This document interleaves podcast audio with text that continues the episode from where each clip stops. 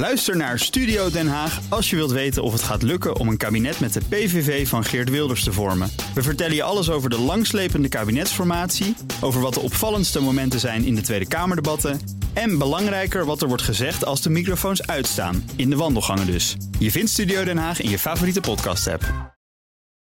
BNR Digitaal wordt mede mogelijk gemaakt door Incentro, een IT-bedrijf. BNR Nieuwsradio. BNR Digitaal. Herbert Blankenstein. Wie dacht dat Paint niet meer meetelde, die heeft het mis. Het tekenprogramma uit 1985, standaard onderdeel van Windows, heeft deze week een upgrade gehad en kan nu zelfs met 3D overweg. Het is een van de veranderingen en verbeteringen in de Creators Update voor Windows 10. Wat je er nog meer mee kan, bespreken we zo met IT-journalist Jasper Bakker. En waar moet je op letten bij het kiezen van een VPN? Zeg maar een versleutelde verbinding. Mijn backup is vandaag Wout Funnekotter, hoofdredacteur van Tweakers. Welkom. Goedemiddag. En we beginnen met het technieuws. Daarvoor is hier Ivan Verrips. Ivan, hoi. Hi. Samsungs nieuwe slimme assistent, Bixby heet hij volgens mij, spreekt niet eens Engels. Mm, Nog niet, nee. Bixby is het slimme broertje Gauw van de. Google Assistant, eh, van Siri en van Cortana. We kennen al die eh, slimme hulpjes wel waar Ja. je tegen kan praten. Alleen deze praat voorlopig niet terug. Ehm, die zou gaan komen met de nieuwe Samsung Galaxy S8. Daar is volgende week de lancering van in de VS. Maar dan is eh, Bixby nog niet klaar. Ehm, die spreekt dus nog helemaal geen Engels. Het probleem eh, ja, is een beetje onbekend, maar Samsung heeft dat bevestigd. Hij komt later wel, waarschijnlijk volgende maand al. Maar dan heb je dus eerst een telefoon eh, met een speciale knop. Want die Samsung S8 heeft een speciale knop voor Bixby. Die dan dus eerst niks doet. Dus ja, een beetje Oh, gek. niks, want ik dacht Koreaans misschien. Dat, Nou ja, daar zou je als, als Engels sprekend persoon niet zoveel aan hebben. En ik weet Nee. inderdaad niet of hij al Koreaans misschien wel spreekt. Maar eh, Engels voorlopig nog niet, dat komt Nee. dus nog. nou, oké, daar hopen we dan op. En het kabinet wil anonieme simkaartjes niet gaan verbieden. Nee, je kunt nu gewoon een eh, prepaid simkaartje kopen ergens bij een winkel. Of soms liggen ze zelfs gratis op Ja. plekken om mee te nemen. Ehm, In trek bij boeven. Ja, in trek het bij over, boeven hè? of bij Ja. mensen die anoniem willen blijven. Soms Ja. zijn het dezelfde, niet altijd. Nee. Ehm, in landen om ons heen zijn bewegingen gaande om die kaartjes te verbieden. Allemaal in het kader van antiterreurmaatregelen. In België zijn ze al verboden. In Duitsland is men daar geloof ik ook mee bezig. Een tijdje geleden belde ik de Nationaal Coördinator Terrorismebestrijding. En die zei van nou, wij gaan gewoon mee met Europese wetgeving. Dus zo klonk het alsof het binnenkort wel zal komen. Nou, eh, minister Blok, die nu Veiligheid en Justitie doet, demissionair, eh, die heeft bekendgemaakt toch niet voor zo'n verbod te gaan. Hij heeft onderzocht hoe zinnig het zou zijn om die kaartjes verplicht te laten registreren. Dus dat je ze niet meer anoniem kan gebruiken, maar dat je hem even met je naam en je ID-kaart moet laten registreren. Eh, en hij komt tot de conclusie: ja, deze maatregel helpt gewoon niet bij het opsporen van criminelen en terroristen. En daarom kunnen we gewoon anoniem blijven als je dat anoniem blijven bellen, als je dat anoniem blijven bellen als je dat wil. Net als in Groot-Brittannië, daar zal het ook niet meer gebeuren. Oké, het uitspreken is moeilijker dan eh, het doen. Hè. Anoniem Blijven bellen, Ja, zometeen gaan we het hebben over Windows 10. Maar er is ook nieuws over eh, dat oude beestje, Windows Vista. Ja, eventjes eh, drie stapjes terug, drie versies terug. Windows Vista. Na tien jaar is deze week de ondersteuning voor dat besturingssysteem gestopt. Je kunt het natuurlijk gewoon blijven gebruiken. maar er komen geen beveiligingsupdates meer voor. En als je dan Internet Explorer 9 gebruikt, ben je al helemaal de sjaak. Want dat wordt al langer niet ondersteund. Eh, Windows wil natuurlijk graag dat je overstapt naar. Windows, Windows 10, 10. uiteraard. Ehm, dus ja, dan moet je maar overwegen of je dat zou willen en of je systeem dat ook wel aan kan. Eh, kleine kans overigens dat je Windows Vista gebruikt. Het marktaandeel is nu 0,72 procent. In vergelijking met XP, dat is nog Ja, 7 het, is, het is nooit veel geweest. hè, Het is nooit veel geweest. Ehm, maar als jij die ene gebruiker bent, voor. dan zou ik wegwezen daar. Oké, dankjewel, Ivan. BNR Nieuwsradio. BNR Digitaal. Windows 10 is dus vernieuwd. Sinds deze week wordt de Creators Update uitgerold, zo heet die. En met tientallen veranderingen en verbeteringen. En vooral gericht op mensen die van visueel spektakel houden. Zo kan je nu met Paint, het ouderwetse Paint, nu tekenen in 3D. Er zit mixed reality op een of andere manier ingebakken. En er is zelfs een heuse game mode. Daar gaan we over praten met freelance technologiejournalist Jasper Bakker. Hallo. En natuurlijk ook met Wout Funnekotter, die hier is als backup. Tweakers heeft ook uitgebreid naar deze update gekeken, nietwaar Wouter? Eh, laten we even beginnen met het minst sexy onderdeel privacy. Er waren zorgen over hoe Microsoft data verzamelt. Ze waren wat hebberig en Windows zou de gebruikers niet voldoende informeren. Nu zijn er twee opties. Eh, er is basis, waarbij je zo weinig mogelijk gegevens geeft. En volledig, waarbij ook data worden verzameld om te personaliseren, zoals dat heet. Standaard staat die instelling op volledig. Nou, Jasper, ehm, ben je tevreden met deze upgrade? Ehm, nou ja, Windows 10 gebruik ik op een tweede machine, moet ik gelijk even bekennen. En mijn hoofdmachine is niet Windows Vista. Maar Alleen als het echt moet. alleen als het echt moet. Eh dat is ook een beetje... En wat is die eerste dan, als vragen mag? Windows, Mac? Windows 7. Windows 7. Windows Oké, 7. Ja, ja, ja. Naast ook nog een Mac, naast ook nog een iPhone. Ja, goed, het is te veel. Maar eh, ja, Microsoft vertoont daar wel wat verbetering in. Eh probeert gebruikers natuurlijk nog steeds. Hè, de standaard instellingen staat op volledig. Probeert nog steeds zoveel mogelijk binnen te halen. Ja. Ja, ja als je ergens niet voor betaalt, dan ben jij het product, is een bekend spreekwoord. Eh Ja. Is ook enigszins van toepassing. Het verschil is alleen, we zijn het heel erg gewend bij Facebook. We zijn het heel erg gewend online bij Google dat we gemined worden. Eh, en maar voor een besturingssysteem is dat nog steeds vreemd. Eh alhoewel, Android zijn we ook allemaal gewoon en vinden we normaal. Dus dat Ja. is een beetje, Microsoft ja, ja, probeert in die nieuwe wereld te komen Probeert vanuit die oude wereld. Te, te, te veroveren Precies, op dat gebied. precies. Ja, ja, ja. Wouter, wat vind jij ervan? Nou, dit is wel het minste wat ze hadden kunnen doen natuurlijk. Gewoon puur ook eventjes vanuit imago-PR-perspectief. Toen ze begonnen hiermee was het echt een grote ommezwaai. Want Windows was altijd iets wat je kocht. Had je Ja. geld voor betaald en dan Ja. was het van jou. En dan had Microsoft er verder niks Ja, meer in sommige maken. gevallen moet je voor Windows 10 nog steeds betalen. En dan heb je ook te maken met deze instellingen. Klopt, Als je maar van Vista komt, als ik me niet vergis. er zijn nog steeds links en rechts wel manieren via speciale programma's. Als je een beetje goed eh grasduint erin, Klopt. kun je altijd wel een gratis licentie krijgen. Ja. Ja. En daar komt dit dan wel bij. Eh, wel zo netjes dat je nu gewoon met één klik op de knop... tenminste die basisinstellingen kunt vinden. Ja, en je komt het ook tegen bij installatie, geloof ik. Hè? Dat je, dat je, Het zit dat gewoon in die stappenplan wat je privacy-instellingen doorloopt, inderdaad. kunt veranderen. Ja, oké. We noemden het al, Paint kan nu met 3D overweg. Is dat nu alleen maar een, een geintje of hebben we daar ook wat aan, Wout? Be- beide. Eh, het is Ja. leuk dat je eindelijk Paint weer geüpdate wordt. hebt. Dat, dat sowieso. Maar als je ziet, ehm, je kan dus nu eh, bijvoorbeeld eh, een, een woord in 3D maken of kleine poppetjes. Het leuke is, je kunt het uitwisselen. Het is een soort online marktplaats die ze aan verbonden hebben. Dus als jij het Ja. gemaakt hebt, kun je het weer delen met mensen. En als je ziet wat de prijs van 3D-printers tegenwoordig doen... en hoe gebruikersvriendelijk die dingen wel niet worden... Ja. voor 300 euro zet je zo'n ding thuis, dan teken je wat leuks in Paint... en eh, met een paar uurtjes heb je je eigen ding geprint. Je Dus zo'n het stuk wordt, plastic, Het wordt, ja. maar het wordt wel steeds toegankelijker op die manier. Nou, en misschien krijgen we ook eindelijk de, de, de doorbraak van 3D copyshops. Ik heb iets leuks gemaakt, ik eh, loop ergens heen met een USB-stick, Ah, stik ja. erin, laat het daar printen. En dan mag dat een printer zijn die veel duurder is en iets veel moois aflevert. En mij dan toch geen eh, rip uit mijn lijf kost.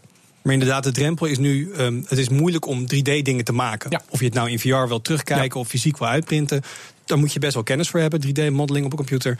Nou, met zo'n programma als Paint, toch een van de meest simpele tekenprogramma's die er bestaat... wordt dat net wat Wat makkelijker ik nog mis in het verhaal is een eh, 3D-scanner. Die bestaan natuurlijk al, maar die zijn volgens mij nog een beetje duur. Eh, dan, als, als je kind iets gekleid heeft, dan kunnen alle grootouders een kopie krijgen. Nou, Microsoft heeft toch eind vorig jaar ook een, een smartphone-app gedemonstreerd. Toen op Windows Mobile. Eh, maar waarmee je dus een object kan scannen. Om dat dan door te geven aan Paint 3D. Dus eh, het, het is in de maak. Eh, Het waar is die komt app aan sneller, gebleven? sneller dan je denkt. Ik heb op CS dit jaar Leuk, heb ik mijn ja. gezicht laten inscannen met een eh, op zich een hele normale telefoon en tablet, normale hardware, speciale software. En toen kreeg ik inderdaad een hele 3D versie van mijn eigen hoofd. Die had ik gewoon kunnen printen als ik had gewild. Dus ik denk dat dat ook sneller komt dan je denkt. Ja, ja. Hoe ziet, eh, want, want eh, ik, ik heb het zelf nog niet ontdekt eigenlijk, hoe ziet mixed reality in eh, de nieuwe Windows 10 eruit? Nou ja, het is er nog niet echt eigenlijk. Nee. Nee, het is, het is weer een geleidelijke uitrol. Dat, dat is het hele nieuwe ontwikkelstramien van Windows. Inderdaad, we brengen dingen uit op vaste tijden. Als het nog niet af is, dan komt het bij de volgende release. Dus Het idee van Nix Reality is natuurlijk ook, je hebt er andere hardware bij nodig. Ja. Je hebt virtual reality, je bent helemaal afgesloten. Ja. Je hebt de HoloLens. Nee, daarom vroeg ik het ook af. Hè, als je, De verwachting is, niet Microsoft heeft in mei, volgende, eh, volgende maand hebben ze hun Build-event, hun grote jaarlijks ontwikkelaarsevenement. Ik verwacht wel dat ze daar ook veel meer hardware gaan laten zien voor dat hele mixed reality verhaal. Oké, Eh, dan is er de game mode. Je systeem zou dan optimaal functioneren voor games. Eh, zitten fanatieke gamers daarop te wachten, Jasper? Je hebt toch een, een speciaal dedicated PC daar toch al voor? ja, maar dat is inmiddels een PC die meer is dan een half jaar oud. Dus die telt niet meer mee in gamekringen. Oh ja, oh ja. Nee, maar ehm, eh, is het iets voor gamers? Nou, het is meer voor gamers die ook nog iets anders ernaast doen. Dus zoals gamers die hun game sessie streamen. Of die op de achtergrond van alles downloaden of dat soort dingen. Het test Hardware Info hebben uitgewezen dat bij het draaien van een game het niet zo heel veel uitmaakt. Maar bij het draaien van een game en tegelijkertijd nog iets anders doen, kan het wel wat schelen. Niet, eh, je hebt ineens twee keer zo soepele framerate, maar er worden minder frames gedropt. Dus het visuele komt soepeler over. Alleen het is niet gelijk een verdubbeling van. Dat valt mee of tegen. Ja, ja, ja. Oké, ehm, ik, eh, ik lees op tech-sites, onder andere op Tweakers volgens mij, Wout. Eh, het heet dan wel Creators Update, maar het heeft niet zo geweldig veel met creators te maken, deze schut je al. Nee, het is gewoon een allegaartje. Kijk, voorheen als ze Microsoft een nieuwe versie van Windows uitbracht... daar kon heel lang tussen zitten. Daar konden ze echt eerst een soort van featurepakket maken. Dat werd ontwikkeld. Er werd een klap op gegeven en dan kwam het uit. En nu willen ze eigenlijk gewoon twee keer per jaar een grote update doen. Dus op een gegeven moment wordt er gewoon gezegd... oké, wat nu af is, is nu af. Dat gaan we uitbrengen. Nou, wat zet je nu in de punt? Paint 3D, Mixed Reality, je geeft Ja. er een naam aan. Maar de marketing verzint dan een. eh, het is elke keer een hele grote set aan features die eigenlijk niet onder één noemer te vangen valt. En ja, dan moet je er eentje kiezen. Ja. en dan heeft Microsoft natuurlijk een probleem. Eh, Windows 10 is de laatste en enige versie van Windows 10. Maar marketing heeft natuurlijk behoefte aan uh, een, een naam die iets zegt. Of het nou iets zegt over wat je brengt of perceptie geeft. Hè? Want, uh, Windows... En dit is een naam die eh, de gebruiker een pluim op de hoed heeft. Jij bent een creatief. Precies, precies. Eh, de mensen die normaal gesproken een Mac kopen, want daarmee laten zien hoe creatief ze wel niet zijn, ja. perceptie, uh, kunnen nu misschien, hoopt Microsoft, uh, Windows 10 Creators Update. Ik bedoel, net zoals mensen en masse gingen voor het uitzicht wat Windows Vista gaf, of de ervaring die Windows XP Experience gaf. Ja, ja. Het is een manier, een labeltje. En dat labeltje kan inhoud hebben of minder inhoud. Als dit de grote Windows Windows 10 mei 2017 update hadden genoemd, dan was het een stuk minder goed te verkopen inderdaad. Precies, precies. En vergeet niet, uh, naast Paint 3D zijn ook weer wat verbeteringen gedaan aan die hele Linux-implementatie in Windows. En daarmee spreekt ze dan weer de creators van developers aan. Die uh, vaak op Linux developen of op een Mac en daar in Linux developen, maar dat technisch gezien ook op Windows kunnen. En nu wat beter. Waar je niks meer van hoort is Windows Mobile. Het zou allemaal één worden. Is het ook? is alleen, het ook? Alleen het is minder gebruikt dan Windows Vista qua marktaandeel nu. Windows Mobile. Yep. Ja, ja, ja. ja. 0,3 procent? Nu? Uh, het staat niet op de kaart. nou, het staat niet op de kaart. Dat zegt al wat. Nee, maar is Windows Mobile is dat nu helemaal passé als Microsoft zelf er al niet meer over begint? Uh, ik denk dat het inderdaad een, een stille aflopende zaak is. Uh, ik er is een kans. Er gaan nog heel lang geruchten over een service telefoon. Ja. Want je hebt natuurlijk een service tablet, een service uh, laptop. Je hebt nu de ja, service, service studio. F-A-C-E. Service, ja, oppervlak. Um, ja. En uh, gaat twee jaar gerucht dat er ook een telefoon in de pijplijn zit. Die, dat die bestaat, geloof ik. Ja. Dat ze eraan werken ook. Absoluut. Maar komt die? Of die ook echt op de markt gaat komen. Dat ze nu denken, ja jongens, het is echt de tijd niet meer voor dat En komt die op de markt voor iedereen of voor een zakelijke subset? Hè? Zoals dat toestel van HP, wat gewoon puur op zakelijk gebruik mikt met zo'n dock. Ja. Wat een niche binnen een niche is. Laat ik zo zeggen, de kans dat Microsoft de strijd nog met Apple en de iPhone aangaat en Android, die is niet heel. Laatste spreker was Wout Funnekotter, die blijft hier als backup. Jasper Bakker uh, als deskundige op het gebied van Windows 10 Creators Update. Hartelijk dank. We gaan zo meteen, niet schrikken, 4300 jaar terug in de tijd naar Stonehenge en hoe dat toen klonk. BNR Nieuwsradio. BNR Digitaal. Onderzoek naar Stonehenge gaat meestal over de architectuur van dat 4000 jaar oude bouwwerk. Stonehenge is nu digitaal opnieuw opgebouwd. En daarna is geanalyseerd hoe de akoestiek van Stonehenge vroeger was. En there's een app for that, ontdekte redacteur Ivan Verrips. Deze virtuele tour herstelt Stonehenge tot lang voordat het bouwwerk eruit zag als, nou ja, laten we eerlijk zijn, een ruïne. En ook tot lang voordat modernigheden als wegen de akoestiek van het bouwsel beïnvloeden.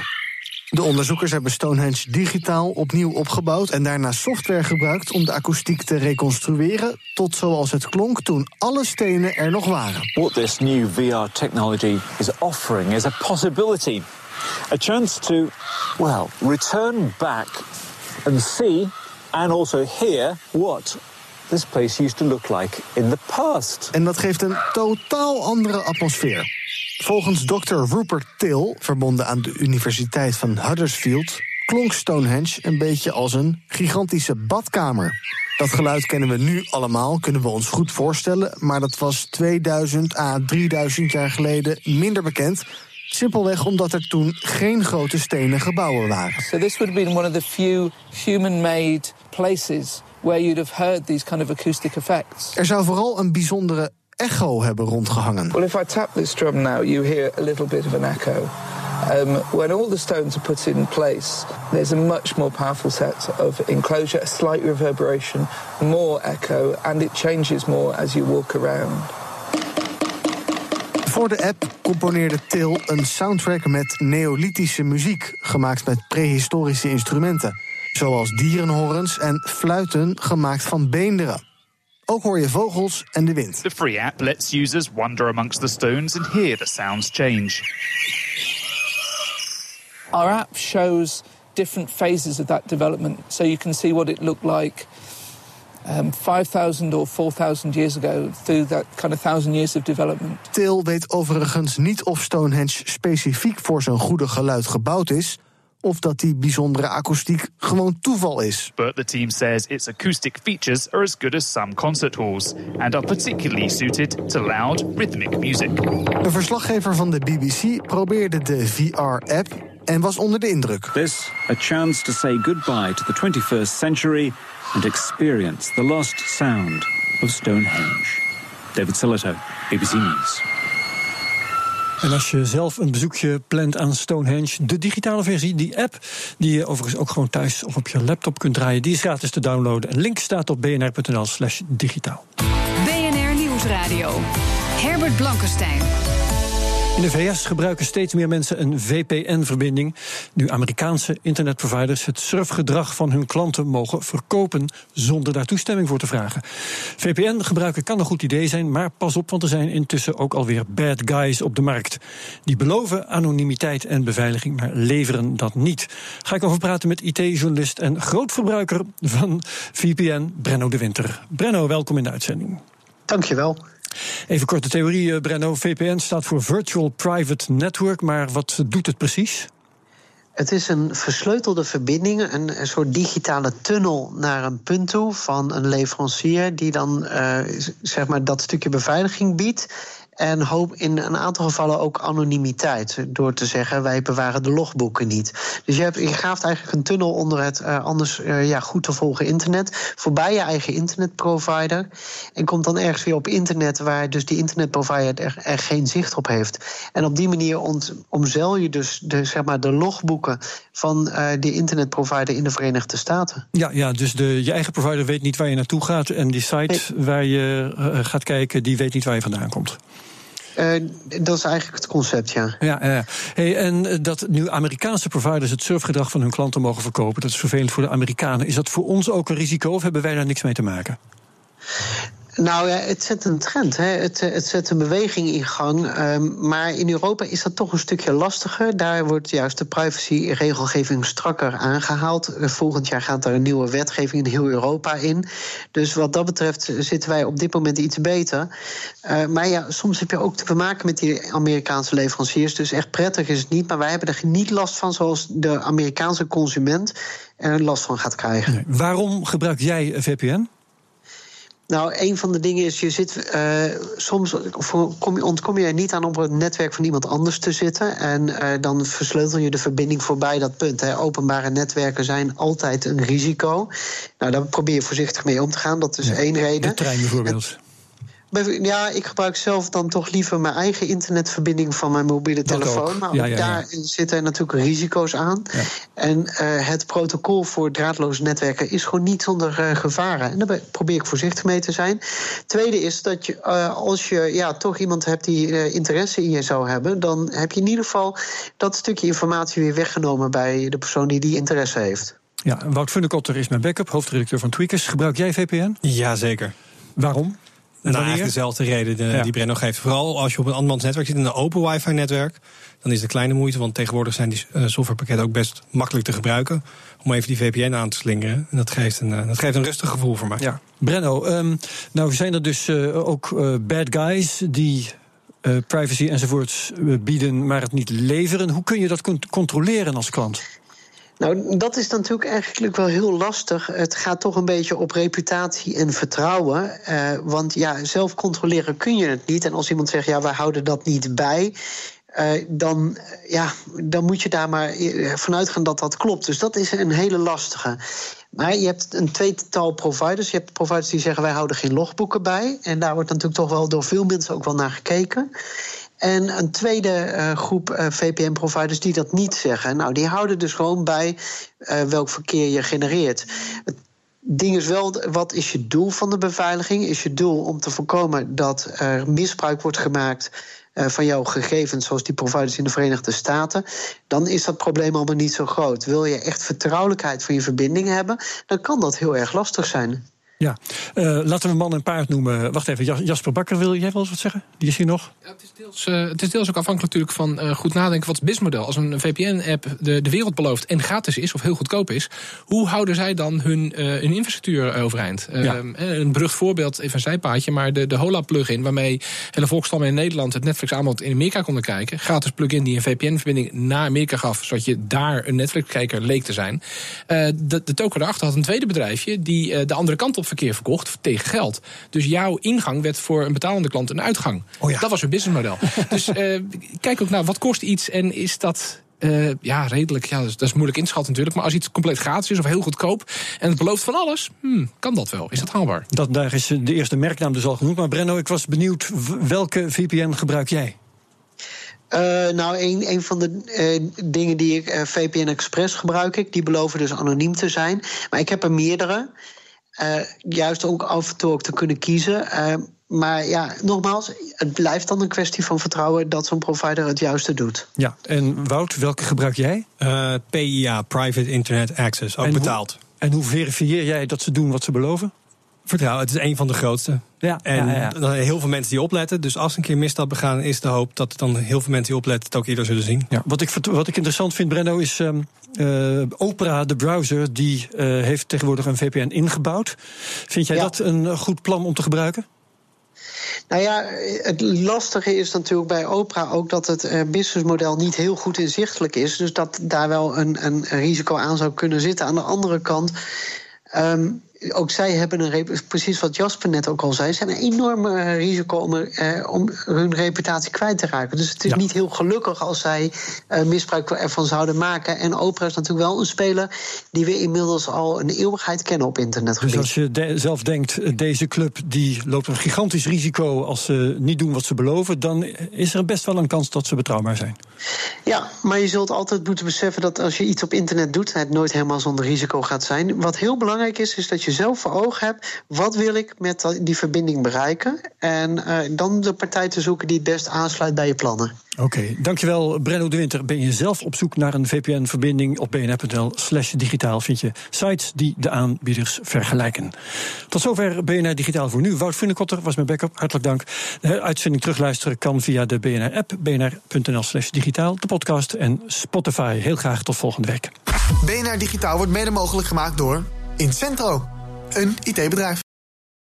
Ook Hugo Reitsma vind je in de BNR-app. Superhandig die BNR-app. Je kunt alle programma's live luisteren, breaking nieuwsmeldingen. Je blijft op de hoogte van het laatste zakelijke nieuws. En je vindt er alle BNR-podcasts, waaronder natuurlijk de belangrijkste, Boeken zijn in de wijk. Download nu de gratis BNR-app en blijf scherp.